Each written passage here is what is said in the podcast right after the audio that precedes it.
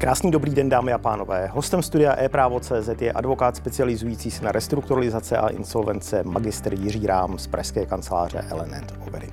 Pane magistře, dobrý den, vítejte ve studiu. Dobrý den, Mirku, moc děkuji za pozvání. Podcast e-práva. e-práva. Specializujete se na insolvenční právo, kde se kloubí právo s ekonomií. Co vás přivedlo k této volbě?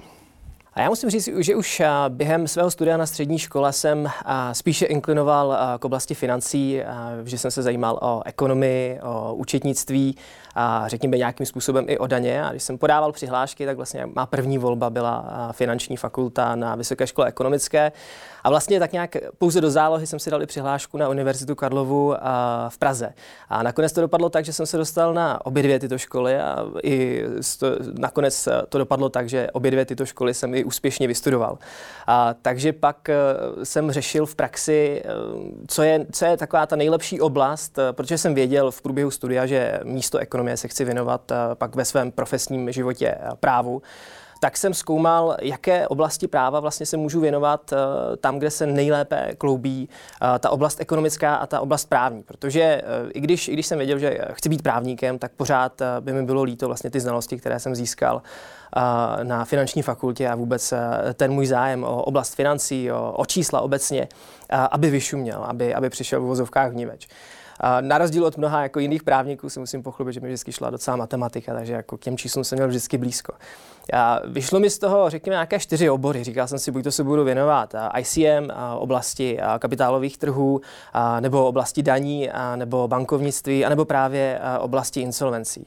A ta oblast insolvencí mi byla nejbližší v tom směru, že jsem si všiml, že na právnických fakultách se moc dobře neučila. Myslím si, že jako doteď eh, tam vlastně jakoby chybí. Vím, že snad eh, pouze eh, univerzita v Olomouci má nějaký výběrový předmět, který se týká vyloženě konkrétně insolvenčního řízení, což je škoda, protože ta oblast je skutečně zajímavá a v praxi, v praxi poměrně, řekněme, zrušující, co se týká nějakého, nějakého řízení a nějakých znalostí a vůbec zkušeností, které člověk může v této oblasti nabít.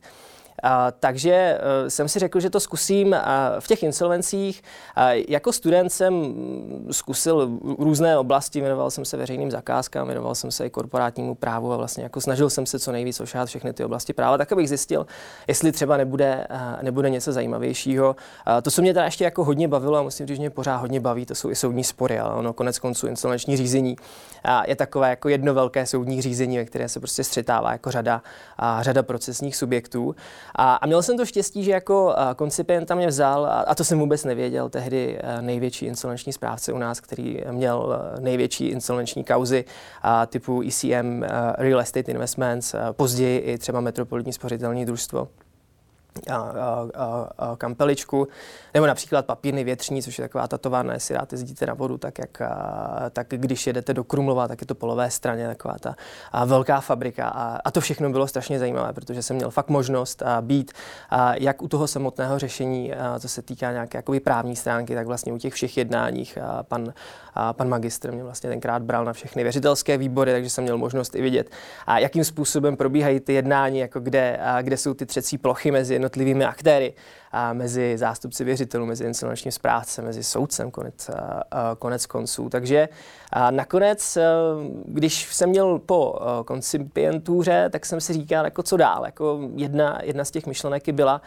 že bych si sám udělal zkoušky na insolvenčního správce, ale nakonec jsem si říkal, že ta advokace je přece jenom mému srdci bližší. A tak jsem se rozhodl věnovat ve své profesní kariéře právě oblasti insolvenčního řízení a, a částečně teda i oblasti jakoby soudních sporů jako a, litigací. Takže a, musím říct, že ta volba byla skutečně dobrá stran toho, že denodenně vlastně řešíme nějaké třeba účetní výkazy nebo se prostě opravdu setkáváme s ekonomickými problémy. A, to ať je na úrovni mikroekonomické, prostě na úrovni těch problémů těch jednotlivých dlužníků, anebo na úrovni makroekonomické, konec konců vývoj té ekonomie, ekonomiky jako takové a nějaké predikce toho, jakým způsobem se můžou ty potenciální kauzy pro nás vyvíjet, které ty sektory třeba i nyní, určitě se k tomu dostaneme po, po té koronakrizi, jsou ohrožené a, a, a, tak, a tak dále. No. Možná bych asi zůstal v té makroekonomické rovině. Eh, máme za sebou rok a půl trvající pandemii. Eh, když se vrátím a vzpomenu si, o čem byly titulní strany novin pár týdnů po jejím vypuknutí, předvídala se spousta bankrotů, spousta problémů, hodně soudních sporů. Ano. Nestalo se to. Je to pravda. A jak to vnímáte? Já musím říct, že v době, kdy vlastně začaly ty lockdowny a, a bylo vidět, že celá ekonomika bude v nějaké možná přechodné recesi, kdy na těch makroekonomických ukazatelích skutečně bylo vidět, že kvůli tomu, že průmysl nejel na plné obrátky, tak nás čeká skutečně vlna bankrotů. My jsme to očekávali taky, jako my jsme se na to připravovali, byly i hodně bohaté diskuze o tom, jestli není, není na místě například posílit správní aparáty na soudech, tak aby vlastně nějaký ten nápor nových insolvencí zvládali. A ono se to nestalo. A proč se to nestalo, je vlastně jako z více důvodů. Jo. Jakoby pořád, možná když se o tom bavíme, tak já bych chtěl říct, že pořád není vyloučené, že se to ještě může stát. Jo. My vlastně i, i, i s kolegou jakoby Petrem Špinicem jsme napsali docela dost článků, eh, kde jsme se tomu věnovali a, a vlastně jsme se zamýšleli, co je tím důvodem. Jo. A jako vlastně jsme došli v zásadě ke dvou takovým eh, jako základním příčinám, proč, eh, proč tě, ta vlna bankrotů vlastně nepřišla a proč třeba ještě může přijít. A ta, ten první důvod je, že vlastně hnedka eh, po té koronakrizi eh, zákonodárce přišel vlastně absolutně bezprecedentní krátké době s nějakou řadou eh, nových zákonů a nějakých opatření, ať na poli exekučního řízení, tak zejména na poli insolvenčního řízení, kdy právě ten úmysl zákonodárce byl, že pokud se nějaký podnikatel dostal bez své viny přechodně do problému, tak by mělo být na místě, aby insolvenční zákon obsahoval nějaké instrumenty, které mu přechodně pomohou nějakou nepříznivou situaci překonat. A my jsme se spolu podíleli na vzniku institutu, který je určitě eh, všem už dneska docela známý, a to je institut mimořádného moratoria, který, byť to ze začátku nevypadalo, že bude hodně využíván, tak nakonec si myslím, že eh, ho řada a řada dlužníků eh, využila a že třeba v hodně mediálně sledované kauze Smartwings prostě skutečně tomu podnikateli pomohl a překonat nějakou tu uh, úvodní prostě nepříjemnou fázi, kdy na něj útočí věřitel a on potřebuje ten čas na jednání prostě s těmi dotčenými stranami tak, aby našli společně nějakou cestu ven uh, z toho procesu. Když jsme dávali dohromady to opatření toho mimořádného moratoria, tak jsme se vlastně zamýšleli nad tím, jestli ty instituty, které už nyní, jako, anebo předtím znal insolvenční zákon, nejsou dostatečné, jestli náhodou jakoby to řádné moratorium, které tam je, které by mělo dopadat jako přesně na tu situaci, kdy ten podnikatel by měl mít nějaký prostor na nějaké jednání s těmi věřiteli a snažit se o odvrácení toho svého úpadku. Jestli nejsou, jestli nejsou dostatečné, nakonec z toho bylo vlastně unikátní e, ustanovení, které je nyní v paragrafu 127 a myslím insolvenčního zákona, a, a které vlastně komplexním způsobem upravovalo e, úplně nově e, práva a povinnosti podnikatele, úplně ve zkratce, když to, když to zjednoduším, tak prostě podnikatel do mimořádného moratoria mohl vstoupit relativně jednoduše. A, a vlastně ta limitace práv věřitelů byla poměrně zásadní. Ti věřitelé nemohli zahajovat insolvenční řízení, nemohli vykonávat své zajištění, nemohli nějakým způsobem postupovat vůči tomu věřiteli agresivně tak, že by vlastně znemožnili nějakou tu negociaci, nějakou tu diskuzi nad konstruktivním řešením. To je, řekněme, nějaký jakoby první důvod, pak určitě bych v této souvislosti zmínil eh, na spíš už na úrovni jakoby jednotlivců nebo nějakých menších eh, eh, podnikatelů zákon o odkladu zpátek, který byl využit taky v obrovském rozsahu a myslím si, že řadě prostě podnikatelů a, a i fyzických osob konec konců to pomohlo lépe řídit cash flow, jak, takže se nedostali do nějaké té imanentní platební neschopnosti vlastně do toho nějakého likvidního, likvidního defaultu nebo úpadku. Eh, takže to je určitě jako na poli eh, těch legislativních opatření eh, byla nějaká pomoc pro ty podnikatele, že nepotřebovali podat ten insolvenční návrh. Protože to, čeho by se podnikatel měl bát v našem prostředí, to úplně není, je, že v okamžiku, kdy teda nepodá ten insolvenční návrh čas, kdy zjistí nebo by měl při náležité pečlivosti zjistit, že se nachází v úpadku, tak má povinnost podat ten insolvenční návrh. A v okamžiku, kdy tu povinnost poruší, tak vlastně přestává platit taková ta obecná poučka, že v rámci kapitálových společností ten podnikatel neodpovídá svým majetkem. Prostě pokud pokud tohle poruší, tak se může otevřít i jeho osobní odpovědnost, což je takový jakoby nepříjemný byč. Dneska je to ještě trošičku podpořeno novou úpravou, například žaloby na doplnění pasiv, která je v zákoně obchodních korporacích. Ale vlastně toho se ten podnikatel nemohl nebo nemusel bát. Takže nějaká vlna insolvencí z tohohle důvodu nepřišla, no a taky proč nepřišla? Je z toho důvodu, že ta ekonomika vlastně byla, možná stále je tak v vozovkách na steroidech, což prostě znamená, že uh, různé ty uh, programy kurzarbejtů a, a různých dotací, kdy vlastně zákonodárce, uh, nechci říct, že to bylo jako nutně špatně, jo, ale vlastně prostě v rámci toho krátkého časového úseku, kdy byla jaksi nemožnost zjistit, jestli ta dotace, která míří tomu, kterému podnikateli je zasloužená, nebo jestli je na místě, jestli jestli vlastně ten podnikatel může přinášet nějakou další hodnotu té společnosti. Taková analýza tam prostě jako nebyla, jo, že prostě všichni jako v rámci té ekonomiky bez ohledu jako v zásadě jako na nějaké jakoby negativní aspekty, které by mohly ukazovat na třeba jakoby špatnou finanční situaci, která úplně nesouvisí s tím koronavirem, tak vlastně dostali nějakou podporu, což jim umožnilo vlastně dál koexistovat. A to byl ten důvod, proč jsme tu vlnu bankrotů nevěděli nejenom u nás, ale vlastně jsme ji nevěděli jako kdekoliv na světě. My to jakoby pozorujeme napříč Evropou, dokonce i, i, i stejné obavy byly v Americe a taky tam žádná vlna jakoby významnějších bankrotů ne, a, nepřišla. A, a, a řada autorů o tom taky psala. Vlastně ten závěr, který oni z toho měli, proč to v té jejich jurisdikci nebylo, je jako ten samý, jo? že prostě zákonodárce přišel s nějakými podporami pro ty podnikatele v rámci legislativních pravidel a taky samozřejmě samozřejmě přišel prostě s tou ekonomickou a finanční podporou. No ale jak jsem říkal, co nebylo, může být a pořád jakoby i, i v rámci kruhu insolvenčních odborníků se prostě skloňuje, že na sklonku roku 2021 nebo prostě v první půlce roku 2022 skutečně a může dojít prostě k nějaké jakoby zvýšené vlně těch bankrotů, protože ty dotace už nejsou. Myslím si, že teď aktuálně žádné významnější programy neběží. A, a řada těch podnikatelů vlastně mohla být účastná nějakých těch programů jako COVID eh, Invest nebo COVID Provoz, kdy vlastně si vzali půjčku a, a, a stát se za to nějakým způsobem přes eh, Českomoravskou záruční banku a zaručil.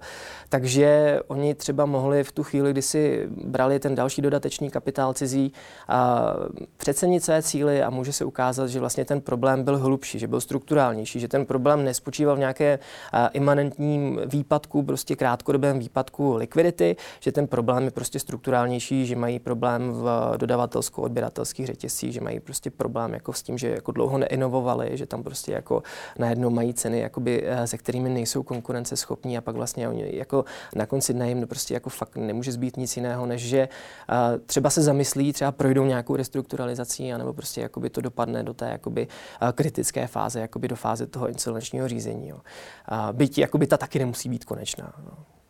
Jaké jsou vlastně v praxi nejčastější formy řešení úpadku? Eh, to, jakoby, eh, to souvisí s tím, eh, o čem jsem mluvil. Jakoby, když odhlednu o odlužení, tak insolvenční zákon zná jakoby dvě formy řešení úpadku, což je vlastně jako reorganizace a konkurs. A obecně se říká, nebo je taková poučka, která si myslím, že se skloňuje na právnických fakultách relativně často, že konkurs je prostě likvidační forma řešení úpadku, kdy se rozprodává majetek toho podnikatele a, a z toho výtičku se uspokojí věřitele a, a reorganizace je vlastně sanační způsob řešení úpadku, kdy dochází k nějaké restrukturalizaci na provozní úrovni toho podnikatele podnikatele dochází třeba k takzvanému herkatu, což je snížení pohledávek těch věřitelů.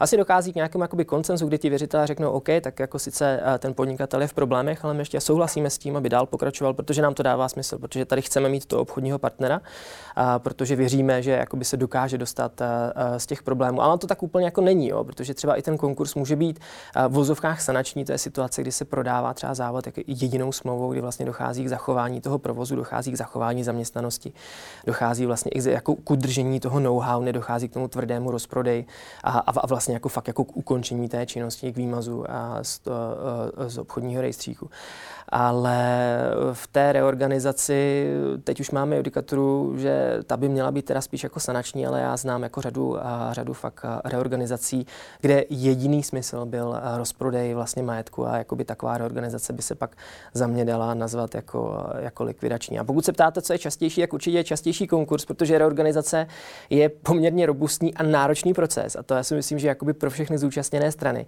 A to, co je alfa omega v tomto procesu, to je vlastně důvěra věřitelů. A ta důvěra věřitelů je prostě v té fázi, kdy na sebe ten podnikatel podá ten insolvenční návrh, často velice otřesená. Jo. Ten, jakoby, uh, u těch úspěšných reorganizací nebo u těch jako reorganizací, u kterých jsem měl jako možnost být já, tak měli šanci na úspěch jenom díky tomu, že ten, uh, že ten dlužník, která už uh, opravdu jakoby otevřeně komunikoval s těmi věřiteli prostě říká, jsem tady v problémech, prostě podám insolvenční návrh, buďte na to připraveni.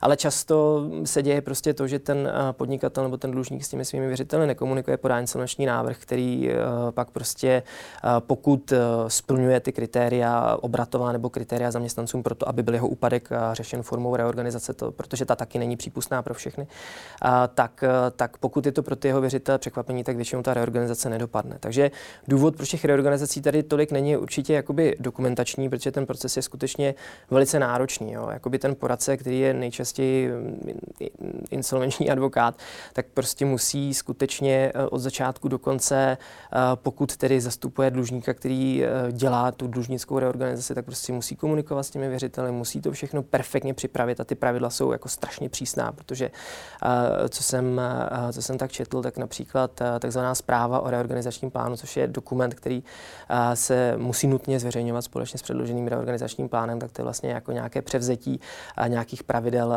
který zná US Bankruptcy Code, který vlastně míří spíše na společnosti, které byly kotované na burze a jako potřebují vlastně řadě těch potenciálních jakoby, uh, zúčastněných osob vysvětlit, co se vlastně děje. Jo. A jakoby my jsme, nebo zákonodárce to v této oblasti, řekněme, nechci říct nekriticky, ale převzal to možná místy až příliš extenzivně, protože řada těch věcí, co se třeba uvádí v té zprávě, duplicitních s tím reorganizačním plánem, a, a je to skutečně, jako skutečně náročné, už jenom když mluvím o té zprávě, to já dohromady. Já jsem, já jsem to dělal několikrát a to jako fakt si člověk musí vzít ten zákon a teď fakt jakoby očkrtávat ty jednotlivé položky.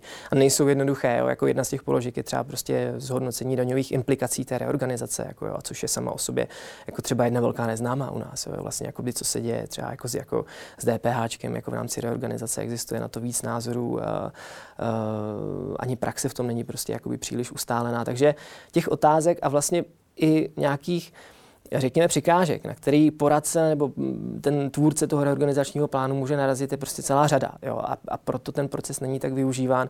A řekl bych, že není využíván, protože je docela nákladný. Jo? Protože samozřejmě, když jako potřebujete dělat toto jako nějaký takovýhle proces od začátku do konce, potřebujete platit znalce, potřebujete platit advokáty. Že jo? A, a, potřebujete samozřejmě současně s tím prostě udržet nějaký ten svůj provoz tak, aby bylo co reorganizovat. Jo? Takže často prostě pokud nemáte třeba nějakého nového investora, který tam přes úvěrové financování přinese nový cash, a tak vlastně ani nemáte co reorganizovat organizovat. No. Takže u nás jsou určitě teda častější ty konkurzy. No.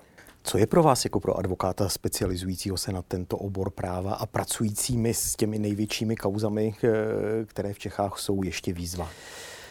No určitě uh, bych řekl, že uh, taková jakoby alfa omega nebo jakoby ta prvotní výzva, když za námi třeba přijde klient, uh, že má nějakou pohledávku, kterou by potřeboval přihlásit do insolvenčního řízení, tak jako na prvním místě potřeba mitigovat uh, očekávání klienta. A úloha insolvenčního právníka je možná trošičku jako nevděčnější oproti třeba úloze M&A právníka, který prostě jako od začátku do konce, pokud se tedy ta transakce povede, tak uh, dává nějaké poradenství, nějakou podporu a pak se podepíšou ty smlouvy a všichni slaví, protože všichni mají radost. Vlastně ten, co prodal, má radost, že má peníze, ten, co koupil, má radost, že má firmu. U nás vlastně to tak jako úplně není, jo, protože uh, jako když se prostě přihlásí ta pohledávka do insolvenčního řízení, tak je prostě jasný, že tam uh, jako není to vyloučené samozřejmě, že by bylo jakoby 100% uspokojení, pokud je dobře zajištěná třeba, ale jakoby to není úplně pravidlo, takže jakoby první je prostě říct, uh, třeba pokud je to nezajištěný věřitel, prostě tu realitu insolvenčních řízení, že prostě na ty nezajištěné věřitele toho skutečně jako u nás jako v našich poměrech tolik nezbývá a, a vysvětlit vlastně vůbec možnosti, které jakoby ten poradce poradce může v rámci toho procesu mít, jo, že vlastně vy můžete se snažit o ustanovení ve, ve fázi předkonání schůze věřitelů pro zatím věřitelského výboru. Musíte řádně přihlásit tu pohledávku, musíte komunikovat eh, s, s insolvenčním správcem, pokud je potřeba doplnit tu uh, přihlášku pohledávky.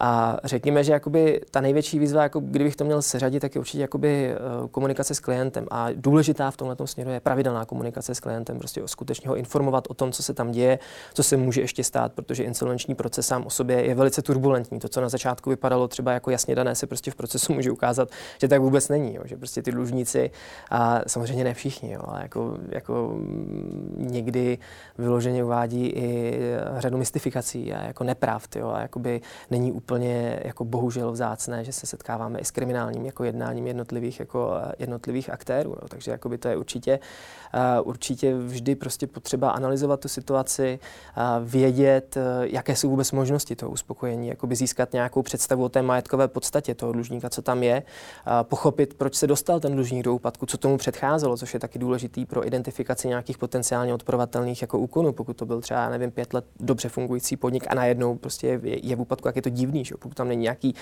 výrazný exogenní faktor.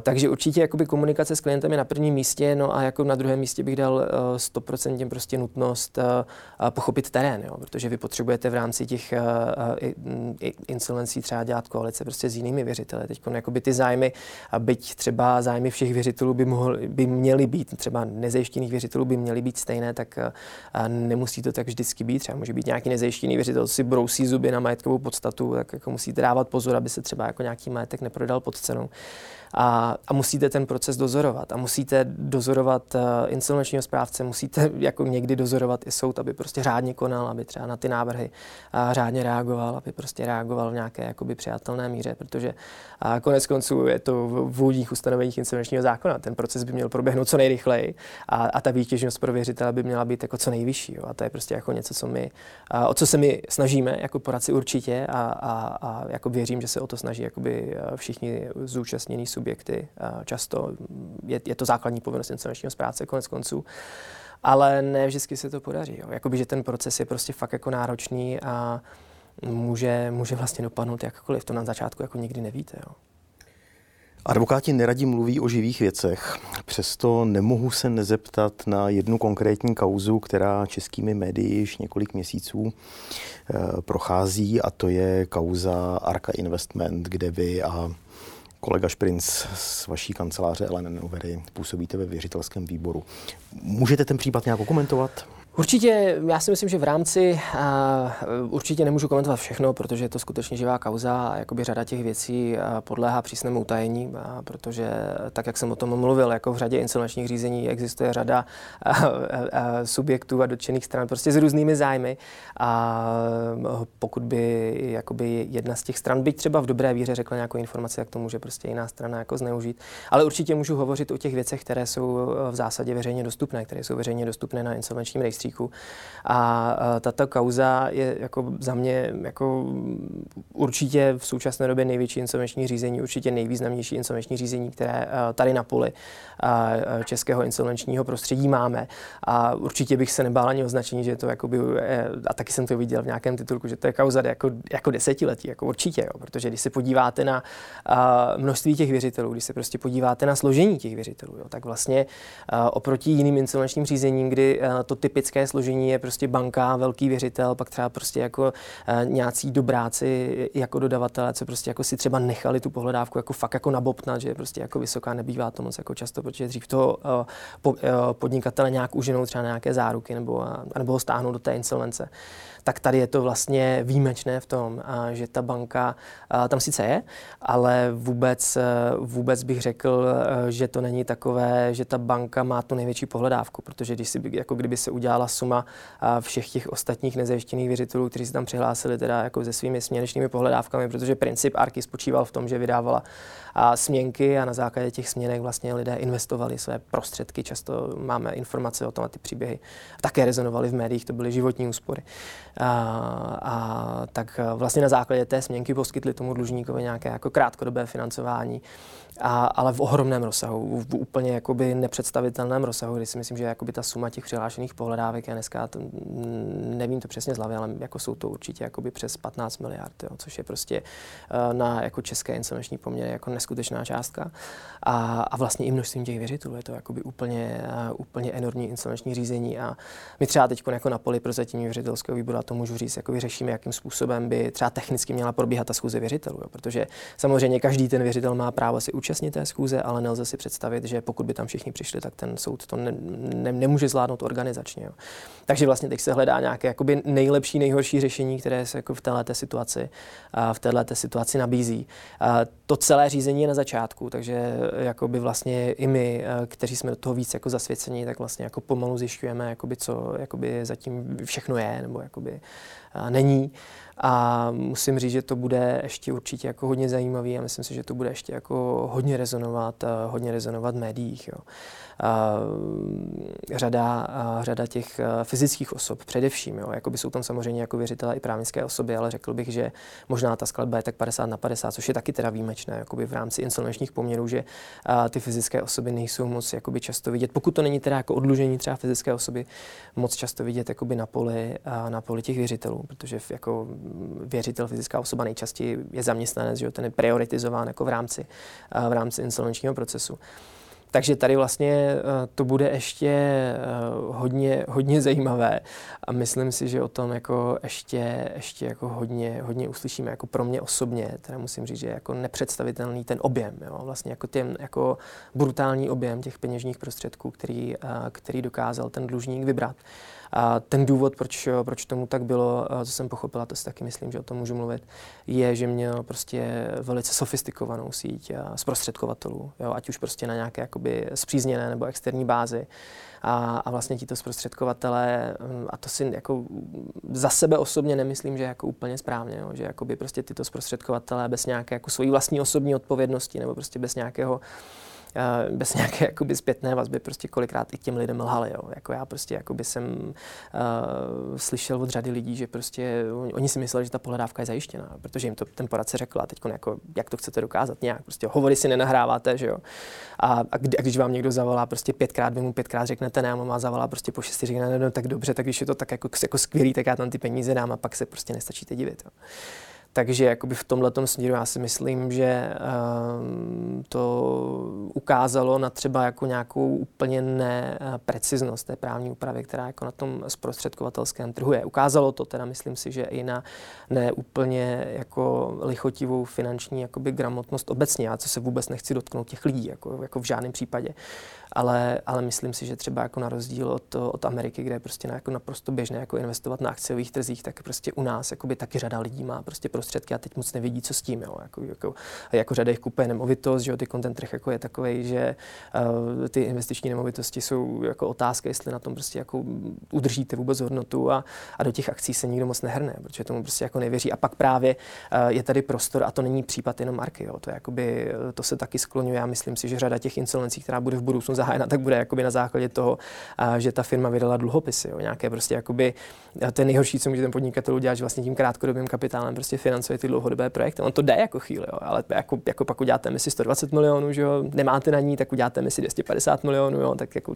nějak to prostě jako spálíte v rámci toho provozu, no a pak už prostě jako ta půl miliardy už je lidem divná, jo, a už prostě jako začnou ptát, jo, a pak už prostě jakoby začíná jakoby ten princip toho Ponziho schématu, že prostě ten, kdo první si řekne jako ty peníze, tak jako je dostane, no ale si to je prostě v situaci, kdy ten podnikatel je v úpadku, už i to samo o sobě je problematický, že protože by to mohlo být zvýhodnění věřitele. Ale myslím si, že třeba jako na poli těch insolvencí ještě budeme vidět jako často eh, podnikatele, kteří eh, vydali dluhopisy. Ono, ten důvod, proč to tak je, jo, to je, to je prostě tak jako obrovská, jako podle mě nedokonalost jakoby stávající úpravě, že on, on ten podnikatel prostě udělá tu uh, veřejnou nabídku a teď té nabídky je prostě schváleno Českou národní bankou a teď on uh, neerudovaný prostě investor si řekne, no tak jako to je jasný, tak jako by kluci z České národní banky to viděli, tak jako to je, to je prostě sichr, jako to prostě nemůže být jako nic, co by zkrachovalo, no to tak není. Jo.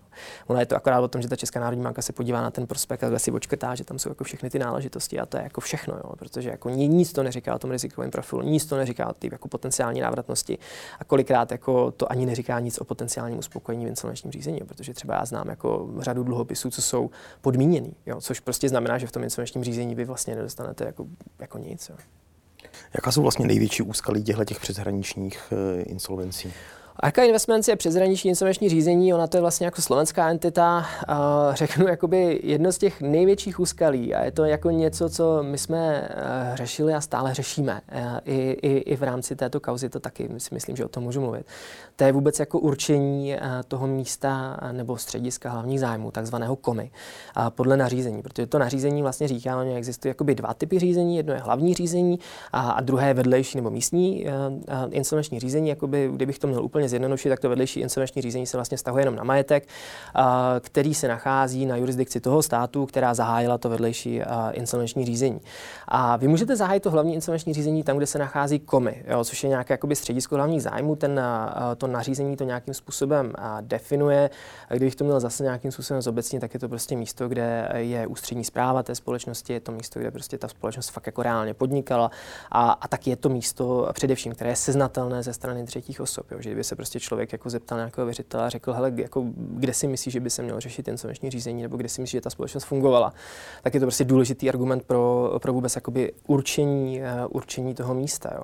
A to si myslím, že jako je uh, základní problém a je to něco, na co byť je relativně bohatá uh, evropská judikatura, tak uh, třeba, a myslím si, že i nejvyšší soud jako udělal jako pár judika, uh, judikátů, kde velice řeknu až sugestivně a detailně vysvětlil, co je důležité, jako jo, ale ono to nikdy nemůžete jakoby přesně precizovat. Jo. Ono to můžete napsat v nějakých obecných rysech a pak je prostě na těch soudech jako uh, uh, krajských, že u nás, prostě, kteří, uh, uh, které posuzují ty insolvence, jak se s tím vypořádají. A teď by si člověk řekl, že vlastně ten problém bude v tom, že pokud jakoby se mezi sebou hádají dvě, insol, uh, dvě jurisdikce, uh, tak vlastně jakoby jedna to bude chtít přetáhnout ty druhé, a ono tak vůbec není. Ono, to je, ono je to přesně naopak, protože ty soudy to jako nechtějí řešit. Jo. Tak prostě jako oni řeknou, ale u nás to není. Jo.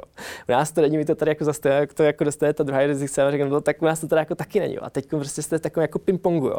A, a, musíte s tím nějakým způsobem jako bojovat. Jo. Jako nám se to eh, v té Arce Investment vlastně jako podařilo eh, teď minimálně tak, že bylo zahájeno, tam je teď jako zahájeno takzvané místní insolvenční řízení, což je druh vedlejšího řízení, které se zahajuje předtím, než je zahájeno to hlavní insolvenční řízení, ale proti tomu výroku soudu jsme podali odvolání. Jo. s tím nesouhlasíme, máme za to, že středisko hlavních zájmů je tady v České republice a upřímně řečeno, myslíme si to my jako věřitelé, řada jiných věřitelů, myslí si to insolvenční správce, myslí si to dlužník. Jo. Jediný, jediný, kdo si to nemyslí, je jakoby, uh, jako v zásadě soudce. Jo. Byť jsme to nakousli už na začátku, uh, jaké jsou podle vás výhledy ekonomiky na příštích 12 měsíců a jaké výzvy v té oblasti insolvencí nás čekají?